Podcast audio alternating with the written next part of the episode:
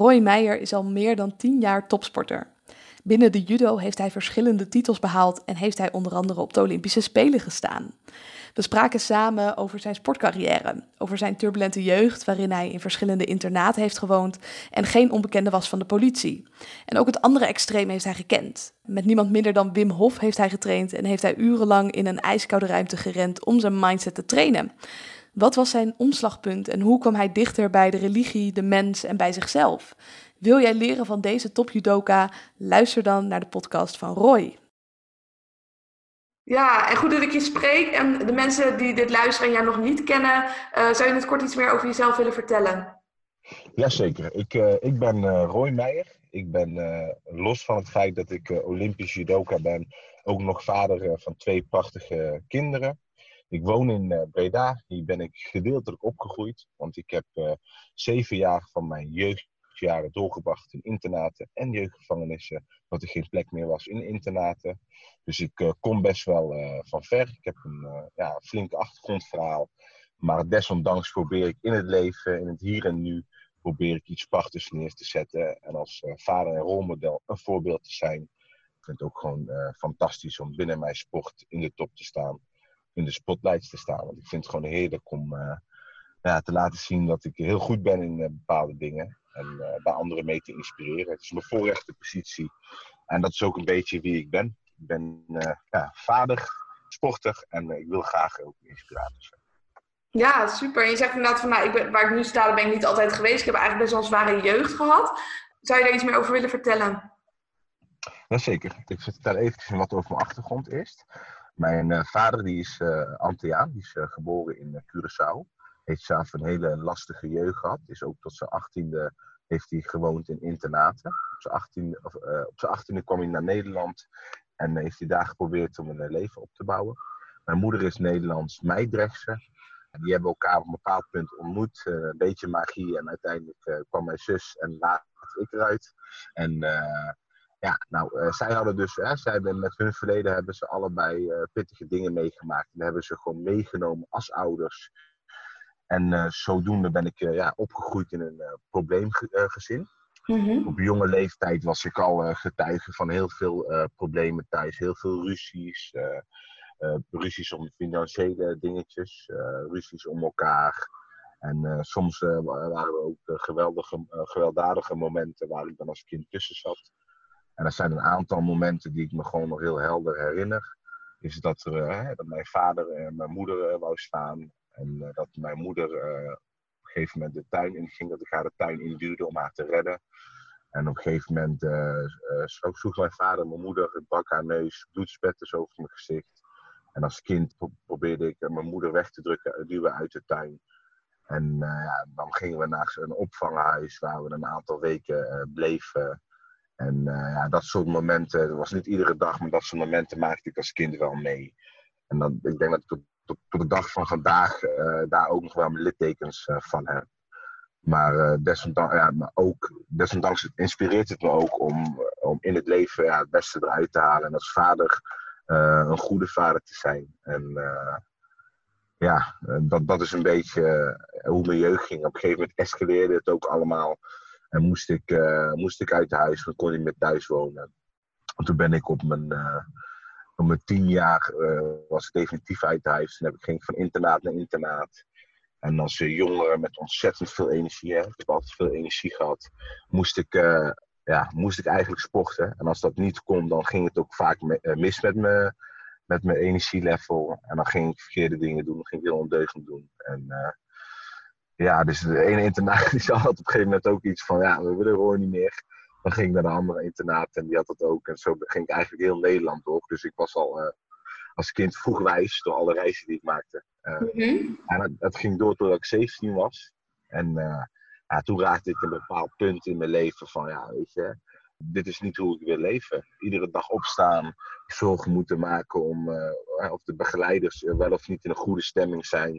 Op je tenen lopen. en, en dat ging ja, zo dag in dag uit in een groep proberen te overleven. Dus een soort van hiërarchie hè, binnen de groepen. Dan heb je de alfa-mannetjes, de ouderen. En die willen alles controleren. En ja, nee, het is gewoon voor een kind, ook hè, in de jeugdgevangenis, tussen uh, mensen die echt criminele uh, feiten hebben gepleegd. Ik zat met een jongen die had zijn vader neergestoken, een andere gewapende overval gepleegd. En daar zit je dan dag in dag uit tussen. En ik voelde me nou ook echt gewoon doodongelukkig. En toen dacht ik van, mijn leven moet anders. Ik wil hier niet meer zijn. Ik wil buiten deze muren zijn en echt een leven opbouwen waar ik me gewoon fijn voel. En me niet zo hoef te voelen. En dat was een ja, soort van moment uh, waarop ik echt besloot, dit moet anders, dit gaat anders. Vanaf dat punt eigenlijk uh, ben ik heel veel aan mezelf gaan werken. En vanaf dat beslissingsmoment, een half jaar later, mocht ik weer buiten de muren het gaan proberen in de maatschappij.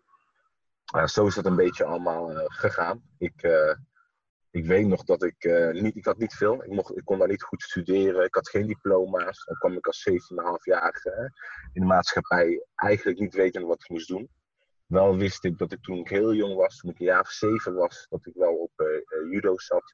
En dat ik daar heel goed en getalenteerd in was.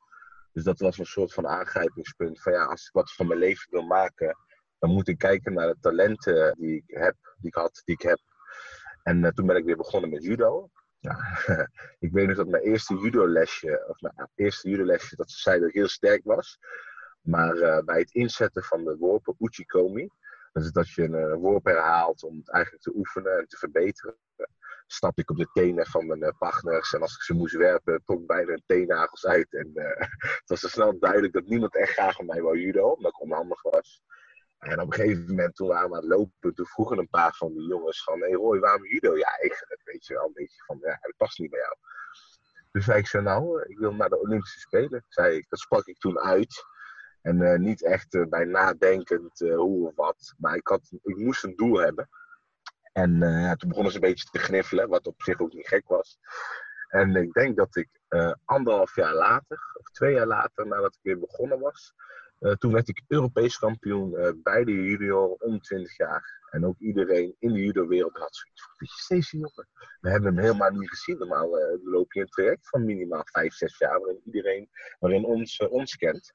En ik kwam vanuit het niets en werd in één keer kampioen. Ja, en dat was uh, voor mij eigenlijk uh, ja, een soort van bevestiging van hey, dit is een route naar de succes en de leven die ik wil hebben. Zodoende ben ik uh, top judoka geworden. Tegelijkertijd ben ik ook bezig gaan met studeren. Ik had nog geen diploma, diploma's en ik wist niet zeker of judo wel de, de route naar succes zou worden voor mij. Dus uh, ging ik mijn kansen spreiden en uh, ben ik uh, met MBO niveau 1 in de sector zorg begonnen. Waarom zorg? Zorg omdat in de internaten waarin ik zat, ik het idee kreeg dat, je, dat het veel beter kon. Dat heel veel begeleiders niet op de juiste plek waren. Of ze waren daar omdat ze het leuk vonden om een machtspositie te hebben. Of waren gewoon totaal niet geschikt om met jongeren om te gaan.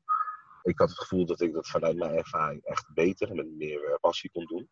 Dus vandaar dat ik MBO niveau 1 zorg ben gaan doen. Om uiteindelijk door te kunnen gaan als uh, sociaal-pedagogisch werker en wellicht sociaal-pedagogisch hulpverlener. Zodat eigenlijk het cirkeltje rond zou zijn en ik uh, mijn verleden bij anderen ja, kan voorkomen of uh, verbeteren. Ja. Zo is dat gegaan. Uiteindelijk ben ik, omdat het zo goed ging met judo, toch iets gaan veranderen iets veranderd qua studierichting. En ben ik een sportopleiding gaan doen. Ook mede omdat ze daar meer uh, begrip hadden voor mijn route uh, met sport. En uh, uiteindelijk heb ik het CIO's ook afgerond. Dus heb ik mijn MBO afgerond. En net nadat ik mijn studie had afgerond op CIO's, werd ik ook nog eens voor nummer drie van de, op de Europese kampioenschappen senioren. Wat een absolute hoogtepunt was in mijn seniorencarrière. En ja, het blijft bij mij eigenlijk alleen maar uh, beter gaan. Jaar na jaar grotere successen. In 2019 werd ik uh, nummer drie van de wereld, waarbij ik ook de, uh, de wereldkampioen, de huidige wereldkampioen, toen de tijd versloeg om brons. Ik weet niet man, al, alsmaar succes. Ik ben er heel blij mee. Ja, ik kan me voorstellen. Je zegt ook van, nou ja, ik heb eigenlijk in twee jaar gedaan waar anderen vijf jaar over doen. heb jij daar een bepaalde verklaring voor? Is dat talent? Is dat hard werken? Wat is dat? Ja, ik denk dat ik uh, mede door, door mijn verleden ontzettend diep kan gaan, ja, kan graven in mijn eigen emoties. Ik heb zoveel dieptepunten gekend op jonge leeftijd, dat ik echt serieuze beslissingen moest nemen voor mezelf. weet je, negen van de tien jongeren in mijn situaties, die hadden het opgegeven. En die zouden nu weer volledig ontsport zijn geraakt of crimineel zijn geworden. En veel van de jongeren waarin ik, in die, waar ik in de internaat in zat, die zijn ook dat geworden. Voor mij, was, voor mij is dat eigenlijk, uh, dat, dat, zou een reële optie geweest zijn, maar dat, dat zou een verlies zijn geweest. Ja, weet je, ik, heb altijd al sinds, sinds kinds af aan heb ik ontzettend veel energie gehad. En ik wil altijd als ik iets deed, wou ik eh, de beste zijn. Het is toch wel, ja, misschien wel een beetje eh, talent. Dat is een beetje aangeboren. Nou, wat is dan mijn recept? Wat is mijn geheim? Ik denk dat het toch wel de bereidheid is om, om diep te graven. Om, om al jouw zwaktes bloot te leggen. En daarmee heel veel kracht te kunnen vinden. Op het moment dat jij niet kan onderkennen dat je zwaktes hebt, of daar niet meer aan de gang wil gaan, dan zul je ook nooit genoeg fundament kunnen creëren om echt sterk te worden. En ik denk dat dat een van mijn grootste talenten is. Bereid om, uh, om echt bij te leiden, om daarmee mijn doel te bereiken. Ja, een van de dingen die ik zag in de video die je zei van hè, comfortabel worden met dat oncomfortabele gevoel. Hoe zoek jij dat op? Ja, nou, dat zoek ik op uh, onder andere door ja, mijn horizon te verbreden. En daarom vind ik het ook gewoon leuk om uh, activiteiten te doen die erg buiten de box zijn. En één daarvan is mijn trainingen met uh, Wim Hof, uh, de ijsman. De ijsman, moet wel de ijsman, moet als toehouden. Nou ja, het is, ik heb hem ontmoet via een kennis. Ook omdat ik de vraag had om beter te worden. Toen ben ik ooit naar hem toegegaan. En, Wim Hof, ik ontmoette hem. Best wel een frivole man, lekker levendig. Als je hem in eerste instantie ontmoette, dan zou je denken van ja, deze man neemt het leven niet serieus. En ik denk dat vele anderen die hem ontmoeten dat ook hebben. Maar dan begint hij te praten over hetgeen wat hij doet. En dan raak je gebiologeerd. Dan heeft hij toch een beetje een soort van een cool effect. Omdat je echt het gevoel krijgt, ja, deze man die, die weet dingen. En hij heeft ook de ervaring en de wetenschappelijke wijze om het uh, ja, als, als backing up, weet je, als backup. Dus ja, dus hij zei van kom, we gaan niet meer praten. Ik heb hier al in mijn tijd een zwembad staan. Dus helemaal bevoren in die periode. Dus hij pakt een stok en begint te breken. En hij zei, jullie gaan niet zo inspringen. Dus ik dacht van, oh wauw. Hij zei, dit noemen we de vuurdoop. Dus ik sprong, daar met een andere jongen in. En toen moesten we onder het ijs door zwemmen en weer terug. En uh, uit uh, gaan en weer oefeningen doen. Nou, ik wist niet wat me overkwam. Ik ben nooit echt bang geweest voor kou of zo. Maar dat was heftig. Ook toen ik eruit kwam, begon heel mijn lichaam te rillen. Weet je wel. Ik wist niet wat me overkwam. En, uh, en dat was gewoon een heftige ervaring. En vanaf dat moment raakte ik ook uh, ja, verliefd op die methode. Dat was natuurlijk een milde vuurdoop. Een aantal weken later ben ik met hem meegegaan naar Polen, naar een expeditie.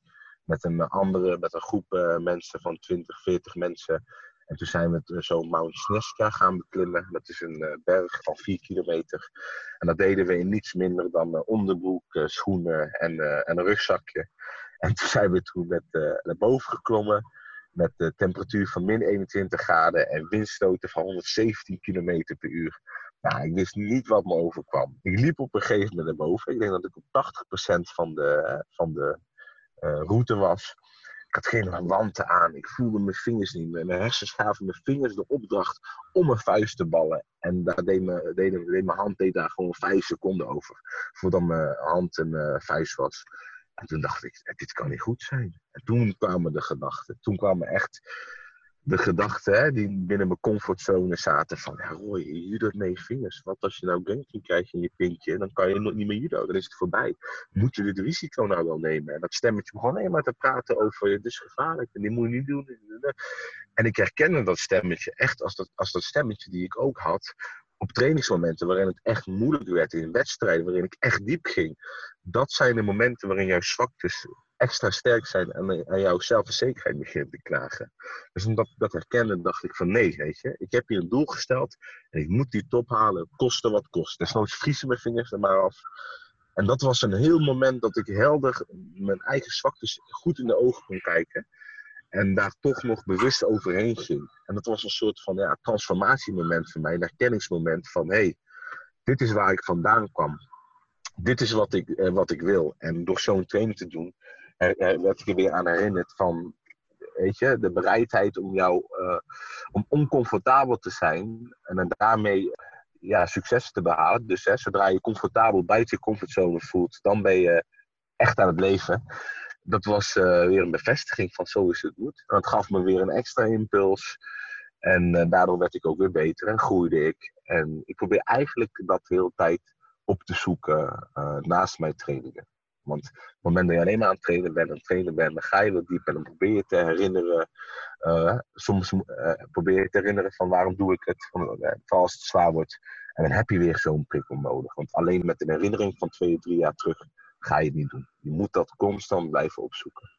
Ja, precies. Want wat ik je eigenlijk ook hoor zeggen, dat pas als je het echt heel zwaar hebt, dat dan pas die zwaktes weer naar boven komen. Dat je eigenlijk zo getraind bent dat je dat heel vaak niet meer ziet. En als je het dan heel zwaar hebt, dat je dan ineens merkt, oh ja, daar zijn die stemmetjes. Ik dacht dat ik ze misschien niet meer had, maar blijkbaar zijn ze er nog. Ja, en dat merk ik ook, weet je. Natuurlijk, ik streef naar op een punt te komen waarop dat stemmetje er niet meer is. Waarin ik dat stemmetje helemaal het zwijgen heb opgelegd. Alleen dat, dat is geen reële scenario. Ik denk dat we altijd wel een stemmetje zullen hebben die ons tegen wilt houden. Dat is mens eigen. Alleen hoe je ermee omgaat, dat is iets waar je er volledig sturing op hebt. En je daarvan bewust zijn dat jij sturing hebt op waar je aan toe uh, waar je, uh, hoe heet dat? Um, waar je wel en niet aan toegeeft. Dus geef, geef je toe aan dat stemmetje of geef je toe aan dat voorgenomen doel die je jezelf hebt gesteld daar heb je wel sturing op. En je dat herinneren door middel van buiten je comfortzone te treden, dat is cruciaal om uiteindelijk eh, te groeien. En daarom zoek ik dat op op verschillende manieren. En dat is, ja, dat is wel key. Dat is niet alleen met, ik geloof dat het niet alleen met topsport zo is, maar ook met het zakelijk leven of überhaupt met persoonlijke doelen die je jezelf stelt, waarvan je misschien in eerste instantie denkt dat het niet reëel is of dat het te lastig is om het te bereiken ik denk dat dat de grootste sleutel is voor succes. Dat is gewoon ja, zeker. Het is heel makkelijk om te zeggen, oh, het gaat goed. Maar pas als je echt gechallenged wordt, dan pas kan je zeggen van, hè, het gaat wel goed of het gaat niet goed. Ja, en, inderdaad. En, uh, en wat ik ook altijd tegen mezelf uh, zeg, waar ik, is dat uh, energie gaat er altijd als eerst naar de zwakste schakel. Dus op het moment dat jouw ketting, hè, je bent een ketting, als die onder druk komt te staan, dan breekt die als eerst op de zwakste schakel. En uh, mijn trainer, mijn krachttrainer Hans Kroon, die vertelt mij ook altijd dat uh, je sterker moet maken dat wat zwak is. En dat je uitzonderlijk moet waken dat wat sterk is. En dat is eigenlijk de hele uh, ja, basis van, van, het op, van jezelf opbouwen naar een, een, een topatleet. Op het moment dat je alleen maar traint wat, wat je al sterk hebt, dan ga je daar zeker uitzonderlijk in worden. Maar op het moment dat er dan een moment komt waar je niet op voorbereid bent in de wedstrijd, dan gaat dat, die zwakte van jou gaat dan absoluut opspelen. En uh, daardoor ga jij gegarandeerd verliezen. Van mindere prestatie leven. Maar als jij voorbereid bent, als jouw zwakte sterk genoeg zijn om dat op te vangen op zo'n moment, ja, dan, uh, dan is er echt letterlijk geen. Uh, ja, dan is de sky in the limit dan, weet je. Je weet niet waar jouw groei dan kan stoppen. Ja, dus je zegt inderdaad van kijk naar die zwaktes. Nou je noemde inderdaad Hans Kroon als je trainer. Nu heb ik ook bijvoorbeeld met Jules een, een podcast opgenomen. Die zei, nou Hans is echt next level qua trainen. Uh, ervaar jij dat ook zo? Ja, absoluut. absoluut. Hans Kroon eh, wordt niet voor niets door veel mensen een fitnessguru genoemd. Hij heeft letterlijk heel zijn leven toegewijd aan twee dingen. Dat is zijn zoon, Jordan Kroon, die in zijn voetsporen treedt. En dat is het, uh, het vak van personal training en personal coaching het moment dat hij over zijn sport uh, praat, dan, zie je de passie, de commitment en raak je ook onder de indruk van de know-how die hij heeft. Op het moment dat jij uh, als sporter komt met fysieke klachtjes of pijntjes, dan heeft hij het allemaal wel gehoord of er zich in verdiept. En hij geeft ook vaker een, een, een, beter advies dan de fysiotherapeuten om me heen. Dus op het moment dat hij met je aan de bak gaat, dan is jouw hersteltijd gewoon 20% of soms wel 30% sneller dan het normale advies van een blessure. En daarnaast is het ook zo dat hij heel veel werkt met, uh, met mindset. Heel veel sporters die bij hem komen, die weten niet wat het is om echt beproefd uh, te worden. En wat er echt voor nodig is om een topper te zijn. Vaak is er iets niet goed met betrekking tot het eten of tot slapen of, of visualisatie. Op het moment dat je bij hem komt, de eerste training, dat is ook een absolute vuurdoop. Ik weet nog dat ik kwam van een uh, powerlift systeem van trainen, een beetje powerbuilding, waarin we uh, heel veel rust hadden uh, en uiteindelijk met een brede piramide opbouw richting een 1RM gingen. En dan had ik soms nog gewoon een half uurtje voor training een paar boterhammen, omdat ik wist dat ik tussendoor mijn herstel kreeg. Ja. Toen, ging, toen ging ik bij hem trainen. En dat is ook wel, hè, namelijk op power endurance. En de hele tijd aan de bak. En geen rust. En ga. Ik wist niet wat ik meemaakte. Gewoon, is net alsof ik een, een gele zonnebril op kreeg. Alle kleuren in, in de fitnesscentrum werden geel. Uh, suis in mijn oren. Als hij aan het praten was, dan leek het net alsof ik door een, een muur naar hem aan het luisteren was. Probeerde, ik ging de hele tijd bukken en door mijn knieën zakken. En ik moest opstaan. Ik ging daarna op de bank liggen en in de kleedkamer. Het eerste wat ik tegen mijzelf zei: van nooit meer. Ik ga nooit meer, nooit meer een half uur voor de training. Ja, nee, dat niet. Nee, maar ik dacht, ik ga nooit meer een, half uur voor een training eten en zo onvoorbereid zijn. Dus ja, dat was wel even een goede, uh, ja, een goede ervaring. En uh, eigenlijk merk je ook dat je nooit uitgegroeid bent bij hem. Dus altijd wel iets te verbeteren. En hij gebruikt ook de vier expertisepijlers. Dat vind ik echt een mooie. En die gaan als volgt. Um, je bent in eerste instantie onbewust onbekwaam. Vervolgens kom je in de fase dat je bewust uh, onbekwaam bent. Dan ben je ervan bewust. Daarna ben je, even kijken, bewust bekwaam. En de laatste fase, en dat is de expertisefase, is dat je uh, onbewust bekwaam bent. Dus je hoeft niet meer te denken over de handelingen die je uitvoert. Hè. Dat is een beetje het verhaal van de 10.000 uren, 10.000 herhalingen. Maar ook daar zit een, uh, een valkuil in. Dat is op zich een mooi principe. Alleen op het moment dat jij 10.000 herhalingen doet, maar je hebt niet de juiste uh, mate van focus op kwaliteit en puur op kwantiteit, dan ga je nog steeds niet in de expertisefase komen. Dus ik vind die vier expertisepijlers vind ik eigenlijk wel uh, ja, vrijwel waterdicht om te kijken in welke fase jij zit binnen jouw vakgebied. En dat is iets wat, wat hij mij geleerd heeft waar we altijd mee bezig zijn. En wat ik super waardevol vind. Ook met de andere dingen in mijn leven. Ja, het is niet alleen dat aantal uren wat je erin stopt, maar met name hoe je die uren besteedt en hoe aanwezig jij bent. Die maken eigenlijk of jij wel of niet een expert in iets wordt. Exact. Ja, ja, precies. Ja, en wat je zegt herken ik heel erg. Ik ben zelf een powerlifter. En dat chille manier van trainen, nou, dat is wat de meesten doen. En dat is wat ik ook een hele tijd deed. En totdat ik dat anders ging doen. En toen maakte ik ook veel sneller progressie dan iedereen. Omdat je het gewoon anders gaat doen en veel efficiënter ook gaat trainen. Ja, ja leuk is dat hè. Ja, het is echt grappig. En toch wil ik zeggen dat ik ook die powerbuilding periode die ik deed, powerlift periode, ook geweldig vond. Weet je. Ik vind het heerlijk dat ik vanaf powerliften dit heb leren kennen. En het is ook nog steeds wel een guilty pleasure om af en toe uh, na mijn training een, een, een, een remmetje aan te tikken. En dat vind ik ook, uh, ja, dat vind ik ook wel heerlijk. Ik bedoel, het ego wil ook wat. Ja, tuurlijk. Uh, ja. ik hoop niet dat Hans dit straks terugluistert, anders krijg ik op mijn kop. Want hij, hij, hij, hij, houdt het graag op power endurance. Nadruk, weet je wel, op, op 5 rem, 8 rem, 10 rem en in hersteltrainingen soms 15. En daar werk ik ook heel goed mee. Weet je, ook judo zit je voornamelijk in power endurance. Je moet een maximale explosie kunnen leveren. Maar je moet ook het vermogen hebben om uh, daarna zo snel mogelijk te herstellen onder druk. En ja, eigenlijk is een wedstrijd volledige oorlog de hele tijd op lichaam en geest. En als je daar in jouw trainingen niet op voorbereid bent, dan, ja, dan heb je gewoon de hel te verduren in je wedstrijd. Ben je wel op veel bereid, voorbereid, en je voelt je comfortabel bij je comfortzone, nogmaals, dan de uh, sky ain't the limit. Ja, en ik heb wat wedstrijdsvideo's van jou bekeken. Je bent super snel. Maar daarna zie ik jou ook bijvoorbeeld dansen voordat jij gaat beginnen aan je wedstrijd. Of misschien is dat daarna. En ook de spagaat in. Uh, is dat ook iets wat je traint? Of uh, is dat gewoon iets... nou ja, weet je, kijk, daar, daar zeg je wel wat. Want uh, um, naast, naast sporten ben ik denk ik toch wel een geboren showman. Ik vind het heerlijk om uh, te kunnen spelen met de aandacht uh, van het publiek. Om andere mensen tot lachen aan te zetten. En ja, dat, doet mij ook veel goed. Kijk, natuurlijk vind ik het leuk om ergens kampioen te worden. En uh, de, de, wat dat allemaal creëert eromheen, de bas, dat vind ik vet kicken. Alleen, ja, weet je, ik heb gewoon zoveel dingetjes uh, die ik leuk vind. Ik vind het heerlijk om te dansen. Ik vind het heerlijk om te schilderen, om gedichten te schrijven, om te rappen. Ah, ik vind het sinds kort heerlijk om te video-editen, om te fotograferen, koken. Het is gewoon zoveel. Alles wat creatief is, dat, dat, dat raakt mij. Dat, dat, dat, dat trekt mij aan. En door de, de, de obsessiviteit die ik heb ontwikkeld, ik weet niet of dat het juiste woord is, door topsport, ben ik ook zo dat als ik ergens aan begin, dat ik er de beste in wil worden.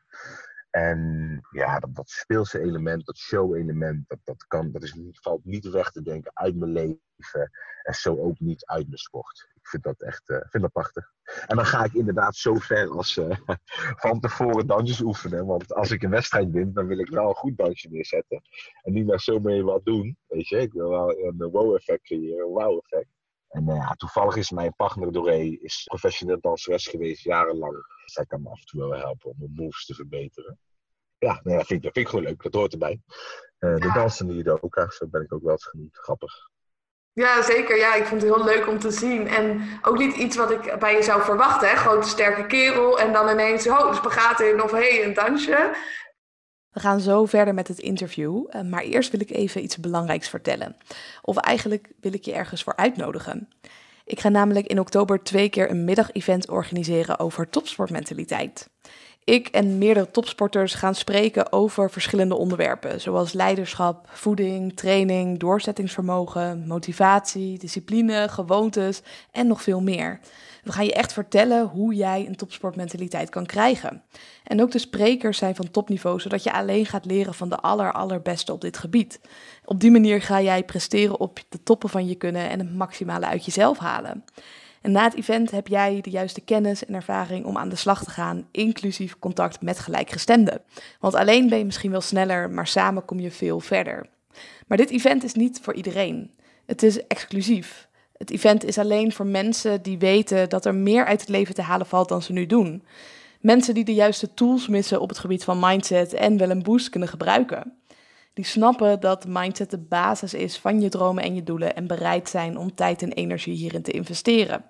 Ik wil er echt alleen zijn met de mensen die er echt willen zijn. En wil jij er echt bij zijn? Stuur me dan even een mailtje uh, naar info.isabelleveteris.nl of stuur me een DM via Instagram en ik vertel je er dan wat meer over. En wie weet ontmoeten we elkaar niet alleen online, maar straks ook offline. Wat ik ook, ook zag over jou, je wordt ook wel de grote vriendelijke reus genoemd, dat mensen uh, bepaalde voordelen over je hebben. Ja, ja, dat is iets wat ik al heel mijn leven al heb, uh, heb. Kijk, toen ik jonger was, ben ik natuurlijk door de, de enorme surplus aan energie in combinatie met een uh, slechte gezinssituatie, pakte dat wel eens uit in kattenkwaad en ondeugendheid. En natuurlijk maakte ik me toen ook niet geliefd. Dus toen was het in zekere zin toch wel uh, terecht dat mensen uh, onrustig werden als ik in de buurt was. Alleen natuurlijk altijd wel een goede hart gehad, een goede intentie, maar niet weten, niet weten hoe ik dat moest uiten. nu later gelukkig wel. Alleen door mijn postuur en mijn overkomen. Kijk, nu wij in praat zijn, is mijn baard uh, even af in de quarantaineperiode. Maar als mijn baard erop zit, dan zie ik er toch wel uit alsof ik je zo op zou kunnen vreten als je me verkeerd aankijkt. En als je mij in eerste instantie ziet als ik daar langs kom lopen, dan denk je ook van oeh, laten we even een blokje omdoen. Maar als ik dan begin te praten of met mensen in contact kom, dan zie je gelijk dat hun hele gezicht van, van wat wat gebeurt hier nou? En een voorbeeld daarvan is dat ik uh, een keer in een winkelcentrum was, dat ik in de kassalrij uh, stond. Omdat er een oudere vrouw achter me stond met één dingetje. Dus zei ik, ga maar even voor. En dat ze aan het afrekenen toen ze wegliep, zei ze gewoon tegen de kassière, zo, zie je dat? Ze kunnen ook gewoon aardig zijn, hè?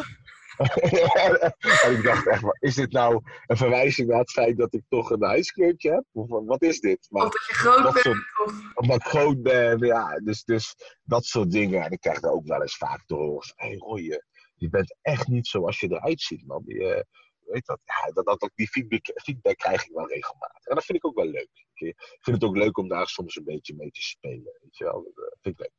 Het levert wel voordelen op, merk ik. Ja, want op je website zag ik ook een video en dat ging over uh, doping. Nou ja, in de powerliften uh, is doping ook een groot onderwerp. En ik ben zelf ook regelmatig beschuldigd van het gebruik van doping. Hoe is dat bij jou? Ja, ik word ook vaak beschuldigd. Van, nou, niet beschuldigd, dat is een gevaar woord. Je merkt toch wel vaak dat mensen, en dat zijn nog wel mensen die of er niet zo heel veel kennis van hebben, of uh, afgunstig zijn. En die zul je altijd hebben. Ik zeg altijd dat 30% van de mensen die je ook volgt op social media uh, via volgen omdat ze haters zijn en graag willen zien wat er mis is. En die zul je altijd wel blijven hebben. En die zeggen al achter je rug om van ja, hij moet wel doping hebben gebruikt. Je kan echt van puur niet zo breed zijn. En uh, moet je eens kijken naar zijn uh, schouders. Hij heeft groeistrepen bij zijn schouders. En dat, ik, uh, dat, ik heb gelezen dat betekent dat hij in de korte tijd veel te snel gegroeid is. En ik heb het allemaal wel hè, achter vier, vier jaar voorbij. Ja. Heel alles erbij zien komen. Alleen dat zijn dus nogmaals de mensen die niet in de, in de zitten of die nooit echt serieuze gewicht aangeraakt hebben. Want als ik met mijn trainingsintensiteit, en dat weet je zelf ook, ik lift 300 kilo uh, deadlift, uh, ik doe 275 squatten, ik doe, heb een bench van 185, niet de sterkste overigens. En als ik, als ik op zo'n manier zou trainen en ook nog met de intensiteit die ik heb, als ik er ook nog eens wat mij zou gebruiken, ja, dan, dan zou ik, dan zou ik nergens meer kleren kunnen vinden, bij wijze van spreken. Mm-hmm. Maar uh, ja, dat, dat zul je ook wel bij je lijf hebben. Aan de ene kant zie ik het ook als een soort van compliment. Weet je, mensen dat denken. En denken van, oh ja, dat moet er wel heel indrukwekkend uitzien. Dus, uh, Zeker. Ik had het ook, mijn benchpress was 40 kilo in één jaar omhoog gegaan. En ik was eerst van een van de eerste vrouwen die boven de 100 drukte in Nederland. Ja, dat is natuurlijk heel makkelijk om te zeggen van, oh, dat, dat is nep. Hè? Dan, dan hoef je niet naar jezelf te kijken van, misschien zou ik wat harder moeten werken. Hoe ga je er dan mee om als mensen op die manier reageren? Ja, kijk, weet je, vaak reageren mensen achter je rug om. Heel veel mensen durven dat niet direct te zeggen. En er zijn er een aantal die dat direct zeggen. Ja, hoe ga je ermee om? Ik, zeg, ik gebruik dan ook gewoon de vergelijkingen die ik net gebruikte. Weet je, dan leg ik ze uit hoe het zit. Je kan op een gegeven moment zeggen wat je wil. Alleen die, dat soort mensen, die dat ook echt vast blijven houden, die willen dat ook vast blijven houden. Ook al kom ik met heel veel argumenten. Uh, je bent niet meer interessant voor ze als het niet zo is. Weet je wat ik bedoel? Ja. Dus je moet gewoon heel erg. En er zijn ook mensen die het oprecht in geïnteresseerd zijn. Hè? Dat zijn mensen in het fitnesscentrum die mij om advies vragen. En die, er zijn zelfs mensen die mij gevraagd hebben hoe ze het best hun uh, doping kunnen gebruiken. En me eigenlijk, ja, sorry, dat weet ik niet. Ik weet alleen dat je uh, testosteron hebt. Ik heb ooit een keer een flesje gezien in een uh, fitnessschool in, wat was het, uh, Turkije. Die dat over zijn balie schoof om te kijken of ik interesse had. Dat vond ik al best wel spannend.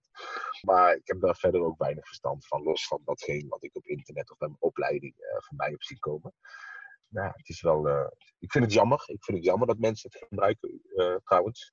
Omdat heel veel uh, mensen die zwaar gebruiken, gewoon veel vroeger komen te overlijden. En hartkwalen en weet ik veel wat.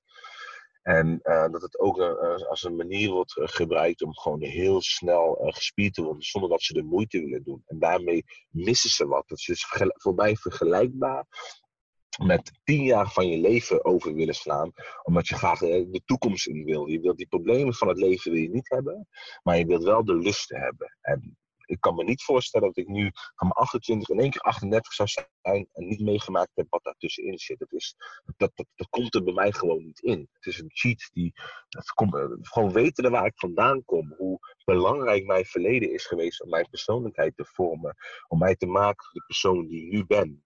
En daar zitten heel veel positieve dingen in de persoon die ik nu ben. Dan had ik gewoon geen goud willen missen. Kijk, als je nou echt een gezondheidsklacht hebt, je hebt een of andere spierziekte waarbij anabolen of wat dan ook helpt om, hè, om jou te laten lopen of beter te laten functioneren, dan begrijp ik het. Ik, vind, zelf, ik heb zelf nog wel een beetje begrip voor de, de absolute topsporten waarin er ontzettend veel geld gemaakt wordt. En bij iedereen het gebruikt. Niet dat ik het goed kan, maar bij iedereen het gebruikt. En het het verschil maakt tussen een loontje van een paar duizend euro en miljoenen. Vind ik het nog niet goed. Maar dan begrijp ik de afwegingen ook. Maar puur in de fitnessschool anabolen gebruiken. Omdat je indruk wil maken op, op de meisjes en de, de mensen om je heen. En dat gaat er bij mij niet in. Dan laat je je als persoon gewoon erg kennen. Ja, je ziet inderdaad heel veel dopinggebruikers, niet per se onder de topsporters, maar inderdaad heel veel onder de gemiddelde sporters die gewoon denken, oh ik wil eventjes in de zomer, wil ik uh, breed worden, ik gooi er een spuit in en uh, hoppa.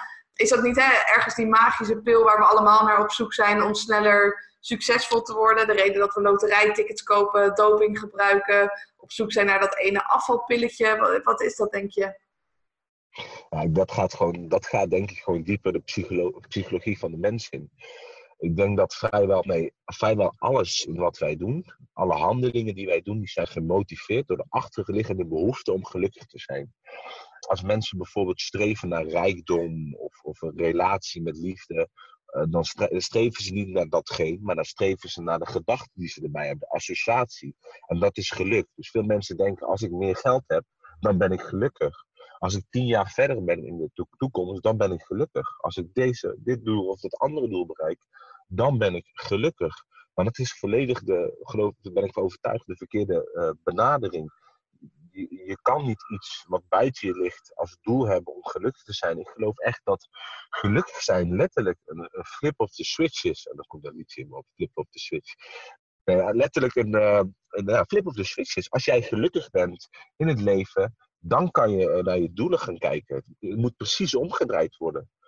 Geluk is een, een houding. En pas als je gelukkig bent, dan kan je pas in het leven gaan staan. Ja, niet andersom. Je wordt niet gelukkig van externe dingen. Dat zit echt, dat zit echt in je, tussen je oren.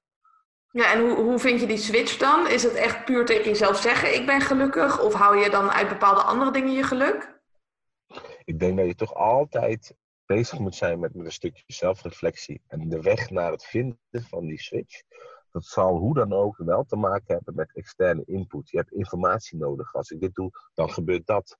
Je leest boeken, je probeert iets en komt erachter dat dat het niet is. Je moet bereid zijn om uh, door de modder te kruipen totdat je die, die, die switch uh, vindt.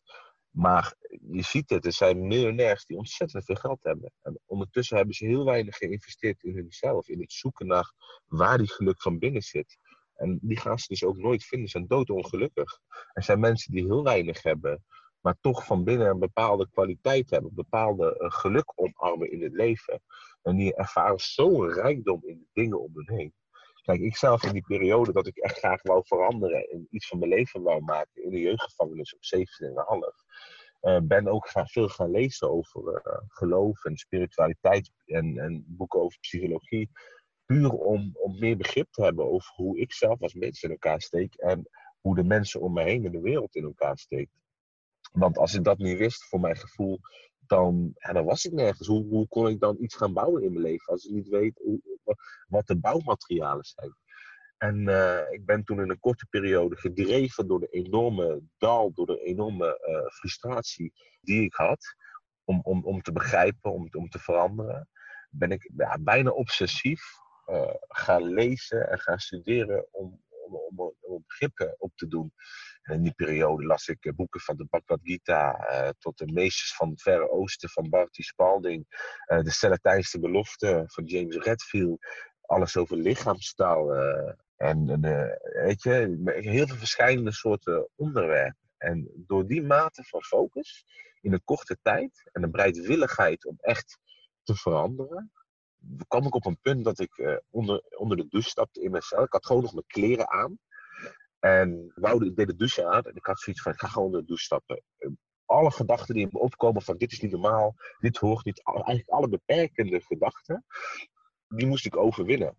En toen ben ik uh, door een bepaalde barrière ingestapt, onder de douche gaan staan. Ik voelde dat ik moest plassen. Ik plaste gewoon in mijn broek, gewoon in de douche. Ja, dat klinkt best gestoord, maar ik voelde een ontzettend gevoel van uh, bevrijding, zowel fysiek, maar ook geestelijk omdat ik barrière door barrière, na barrière na barrière doorbrak. En op een gegeven moment kwam er zo een gevoel van uh, rust door me heen. En dat ik op een gegeven moment om me heen keek.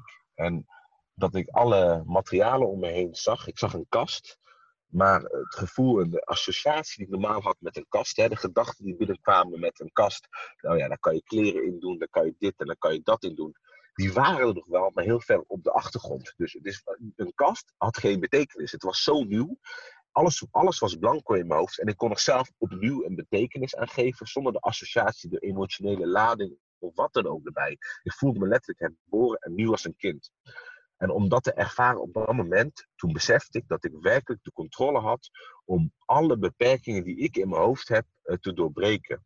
Daaruit voortkwam dat ik de dagen daarna, dat ik uh, mensen waar ik normaal een hekel aan had, begeleiders uh, waar ik een hekel aan had, dat ik die gewoon open tegemoet bracht met een gevoel van liefde en openheid. Alsof er nooit wat gespeeld heeft. En ik merkte ook gewoon dat die mensen, puur door dat mijn houding zwaar positief was, ook begonnen te veranderen. Anders deden, veel liefdevoller werden. Puur omdat ik dat ook deed. Dus doordat ik mijn beperking kon loslaten, veranderde de wereld om mij heen. En die inzicht, ik liep op een gang, een jongen die mee had, die begroette ik. En hij begroette me terug, alsof er een masker van zijn gezicht voelde. Daarna werden we best wel goede vrienden. Het was, was zo'n domino-effect van, van, van veranderingen. dat ik echt besefte van wauw, weet je wel, ik heb de controle over niet alleen mijn leven, maar ook gewoon alles wat er om me heen gebeurt. Ik heb veel meer invloed over dan ik dacht. En dat is iets wat me een wetenschap die ik eigenlijk altijd in mijn leven meeneem, als ik interacties heb met de mensen en met kinderen in clinics, is dat des te meer jij je hart voor de andere openstelt, des te meer je kan uh, ja, bereiken bij een ander. En dat is wel, uh, ik geloof dat, dat, ja, dat heel veel mensen heel gelukkig zouden worden als ze daar alleen maar een klein beetje van kunnen ervaren in hun leven. En dat heb je echt zelf onder controle. Alleen wat ik zeg, de bereidwilligheid. En vaak helpt die absolute dieptepunt in het leven, een moeilijke punt, hè, waarin je heel veel verdriet hebt of verlies ervaart. Komt er een punt dat je kan kiezen om te vechten, het feit, of om te fluiten, dat je vlucht. En dan ga je op zoek naar de korte pleziertjes, weet je wel. Op het moment dat er ongemak uh, naar voren komt, dan wil je dat niet ervaren. Dan ga je lekker Netflixen. Of je gaat wat meer eten.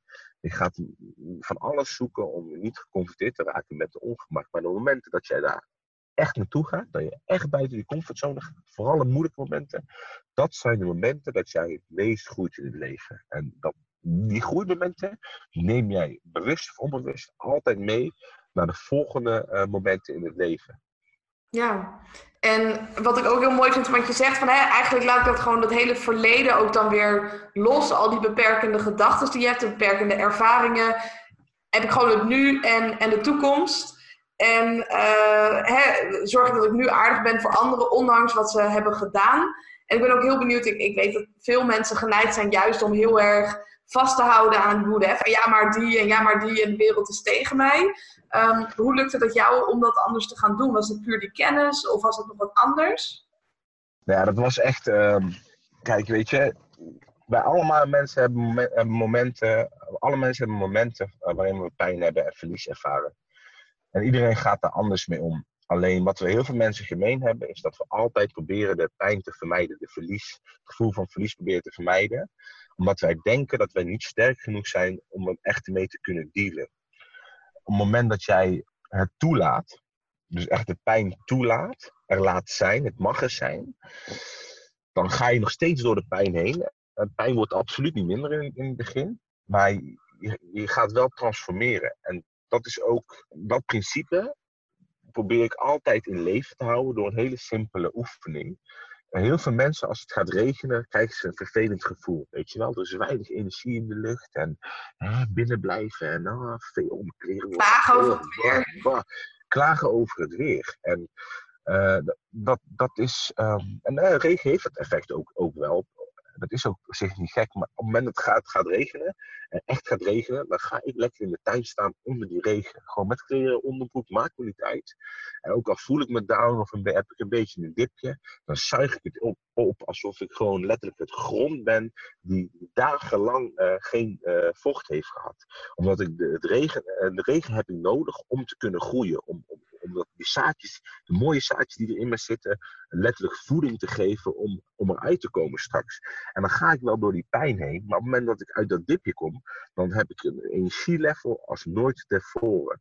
En dat heeft puur te maken met je houding, met, uh, met de bereidwilligheid om de pijn echt te laten zijn. En ik denk dat heel veel trauma's, als die er mogen zijn, um, geen belemmerende effect meer hebben op jouw huidige leven. Op het moment dat jij daarmee in strijd bent of ze probeert weg te drukken, dan zul je ze ongetwijfeld heel veel macht toekennen. Macht over jouw uh, leven. En uh, ja, dat is, trauma's zijn eigenlijk ook vaak de beperkingen die mensen hebben. De dingen die ze geleerd hebben of waar ze aan vast willen houden. Die ervoor zorgen dat ze de, ja, de kansen en de mooiheid van het leven op dit moment niet kunnen zien. Dat is het een beetje. Ja, dus wat je eigenlijk zegt is van hè, de, pijn mag er zijn. Zoek hem ook vooral op, zodat je er ook mee, beter mee kan leren dealen. En alle andere dingen die er in het verleden gebeurd zijn, alle nare dingen, druk dat vooral niet weg. Ja, ja. Ja, kijk, zoek het op, dat is iets. Kijk, je hebt twee benaderingen. Kijk, het moment dat het opkomt, en iedereen heeft het moment dat het opkomt, dus het moment dat jij geen afleidingen gaat zoeken, het moment dat jij merkt dat je meer behoefte hebt aan afleidingen zoeken, dan is er vaak is er een soort van, dat is een soort van rook. En daar waar de rook is, is er vuur. Dat zijn momenten, herkenningsmomenten van hé, hey, er is iets aan de hand in mezelf.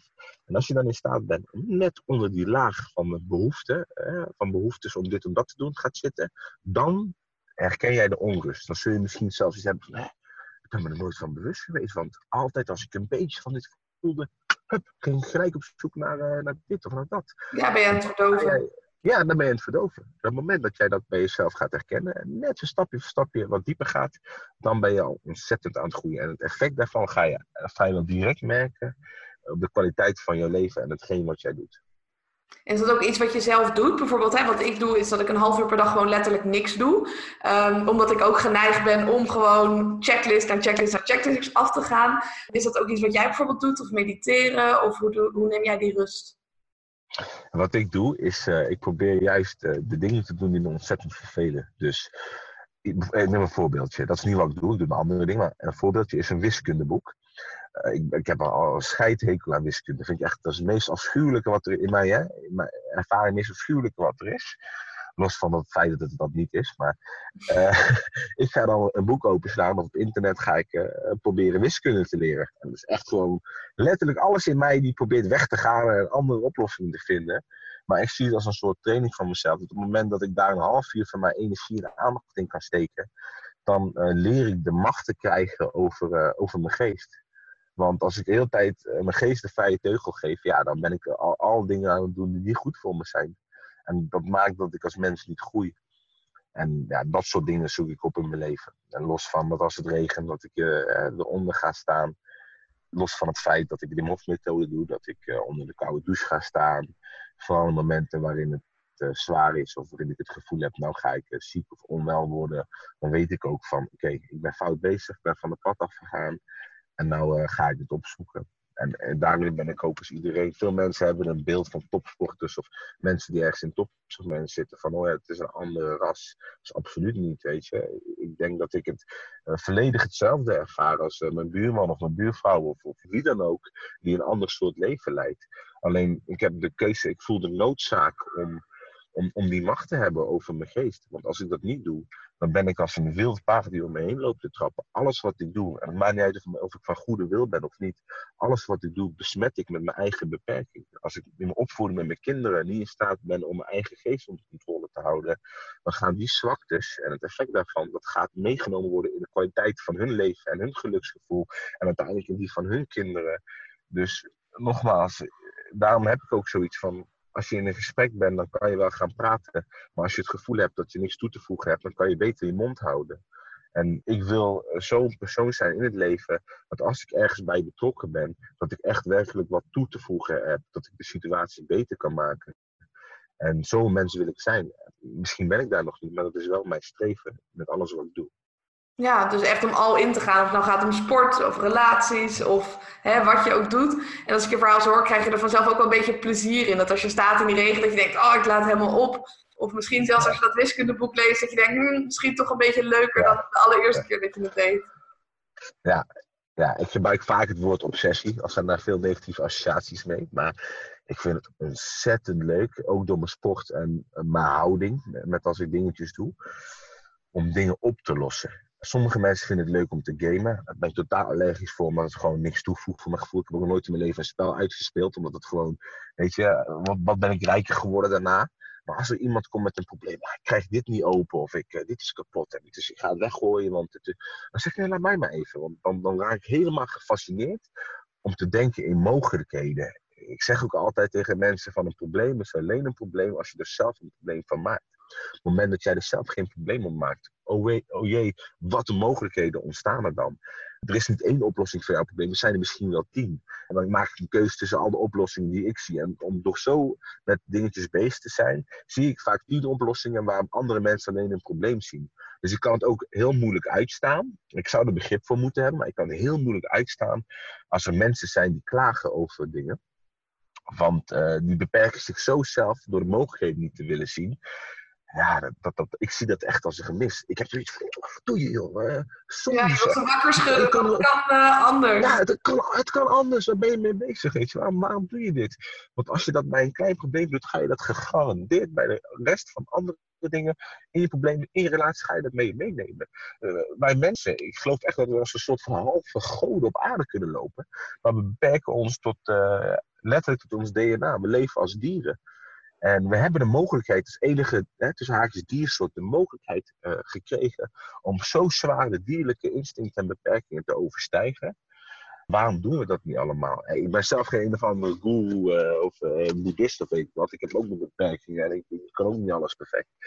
Maar erover nadenken en bewust van zijn, het weten wat kan, dat, dat de verwondering over wat er allemaal mogelijk is, hè, dat is gewoon de, de brandstof van het leven. Als je die verwondering niet hebt, ja, dan ben je al dood. Ja, en denk je dat mensen dan gewoon te veel in dat primitieve brein zitten? Want dan heb je natuurlijk allemaal dat reptiele brein en je emotionele brein en je rationele brein. Die zeggen inderdaad, hè, we hebben dat rationele brein, je kan al die dingen onderdrukken. Denk je dat mensen dan te veel nog in dat uh, primitieve brein zitten?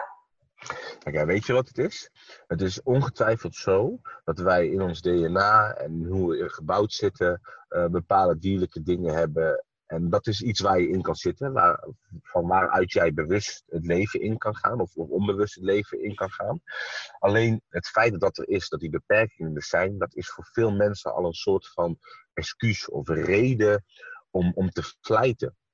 Er zijn zoveel uh, mogelijkheden om, om meer te bereiken, om meer te voelen en om gelukkig te zijn, als, jij, als je niet zo makkelijk bent met het toegeven aan je eigen zwaktes. En weet je, er zijn eigenlijk nooit redenen om te, om te falen. Om, ja, moet zeggen, er zijn, er zijn nooit smoesjes. Weet je, als iets niet goed gaat, dan is er altijd een reden. Maar er zijn nooit smoesjes en er zijn nooit excuses. Er is een reden. En een reden is iets, dan, dan, dan weet je dat als er een reden is, dat je er wat aan kan doen. Maar smoesjes en excuses, dat kan niet omdat dit of het kan niet omdat dat. Dan heb je al verloren. Dan heb je al toegegeven aan het feit dat je, dat je het niet gaat doen. En dat is gewoon een hele subtiele verschil uh, met het kijken naar dingen. Kijk, je moet onderkennen dat er beperkingen zijn om te kunnen groeien. Maar je mag daar niet blijven zitten. Je moet uiteindelijk jouw energie uh, richting de oplossing sturen. Want op het moment dat jij je alleen maar bewust bent van het probleem, en al is het maar 10% of 20% met het probleem bezig bent, dan is dat toch de 10, 20% wat niet gebruikt wordt om een oplossing te vinden of daarmee bezig te zijn. En als jij jezelf als mens zo kan maken dat jij jouw volledige geest beteugd hebt, onder controle hebt en in plaats van 80% 100% met iets bezig kan zijn, dan zul jij merken dat jouw productiviteit, de kwaliteit van je leven en het bereiken van jouw doel ja, veel makkelijker is eigenlijk. Veel meer onder controle is. Waar ja. anderen er tien jaar over doen, kan jij er één jaar over doen. En het is alleen maar door je eigen geest onder controle te krijgen. Ja, dus mindset is eigenlijk daar het allerbelangrijkste in. Key. Dat ja. is de sleutel. Ja, geloof ik echt. Ja, en, en wat je zegt inderdaad, nee, je kan tien jaar in één jaar doen. En als ik je verhaal zo hoor, uh, is het stukje doelen bereiken wel iets wat je redelijk makkelijk is afgegaan. En als je zo terugkijkt, zijn er ook in je sportcarrière bepaalde tegenslagen die je hebt gehad?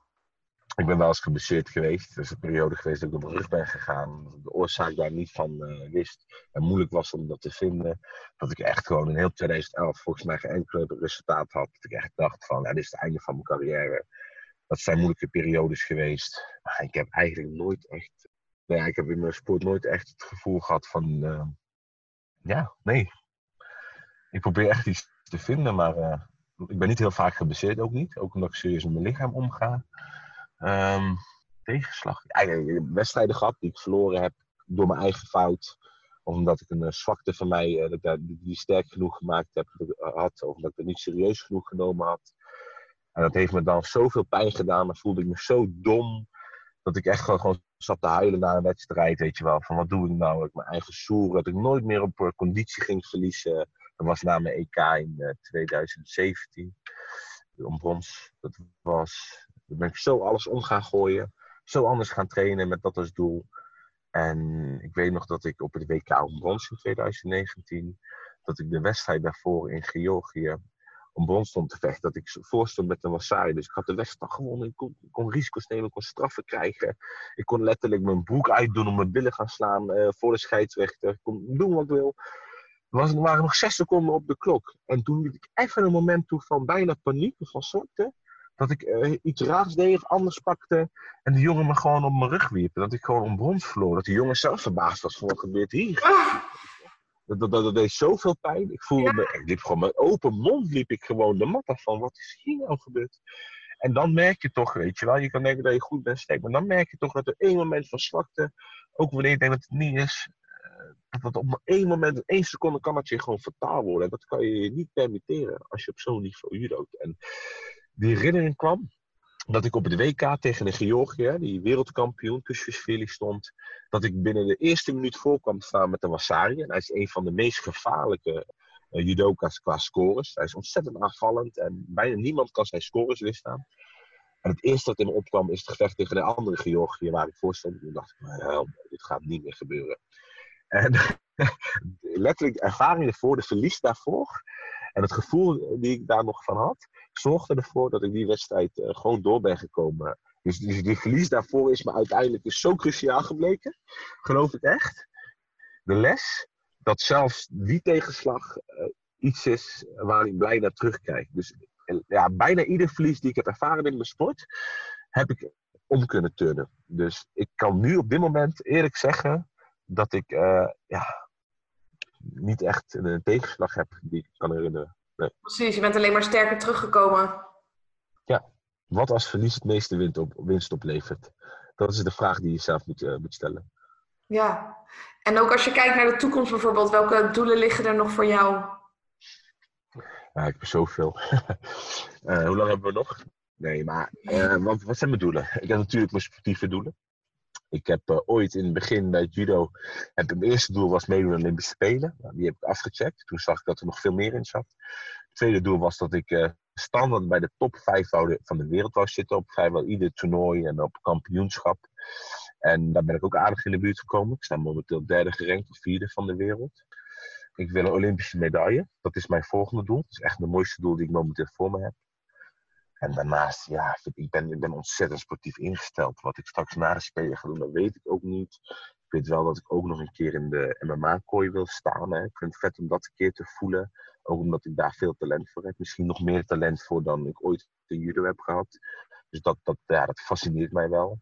Wil ik, daar, ja, wil ik iets doen met het idee om het half te doen? Dat ligt niet in mijn aard. Als ik iets doe, dan wil ik wel echt de beste worden en kampioen zijn dan is het ook weer een sport waarvan ik denk, weet je, het is veel gewelddadigheid. Ik kom ook van een achtergrond van geweld. Ik ben absoluut niet voor geweld. Gaat dat niet uh, voeding geven aan de verkeerde dingen in mijn bloed? Er zijn heel veel vraagstukken. Als ik het ga doen, doe ik het dan voor de allure. Voor het feit dat ik dan uh, de showman kan zijn die ik van binnen ook ben. Want dat vind ik ook leuk. Voor het stukje geld wat erbij komt. En dan stel ik mezelf de vraag: wat als geld er niet bij zou komen, zou ik het dan nog doen? En dan komen er ontzettende twijfels bij me op, weet je. Dus dat is iets waar ik gewoon af en toe over nadenk. Um, ik ben natuurlijk nog jong, ik kan nog eens ziek aan de volgende Olympische Spelen meedoen. Dat fascineert me ook ontzettend. En daarnaast vind ik het leuk om zoveel dingen te doen met creativiteit. Ik vind het heerlijk om met mijn gezicht op televisie te komen, om dingen te presenteren, om daarmee te spelen. Uh, ik vind de televisiewereld heel erg leuk. Ik, ben zelf uh, gediplomeerd personal trainer. Ik vind het erg leuk om mensen te trainen. Alleen ik vind het toch wel, ook vanuit de sport, wat moeilijker wanneer de aandacht niet volledig om mij heen gaat. Om mij gaat. Het is toch een beetje egocentrisme. Ik ben de showman. Ik moet degene zijn die anderen laat lachen. En, uh, ja, en daarnaast vind ik het toch leuk om er een stukje terug te laten komen met, met jongeren. Dat is iets met zoveel betekenis, waarbij ik andere jongeren in vervelende situaties met gedragstoornissen of die een lastige jeugd hebben gehad of nog hebben, om hun vanuit mijn ervaring als trainer en als ervaringsdeskundige eigenlijk toch net eventjes dat, dat ene mee te geven, wat ze net eventjes kan, andere pad op kan zetten.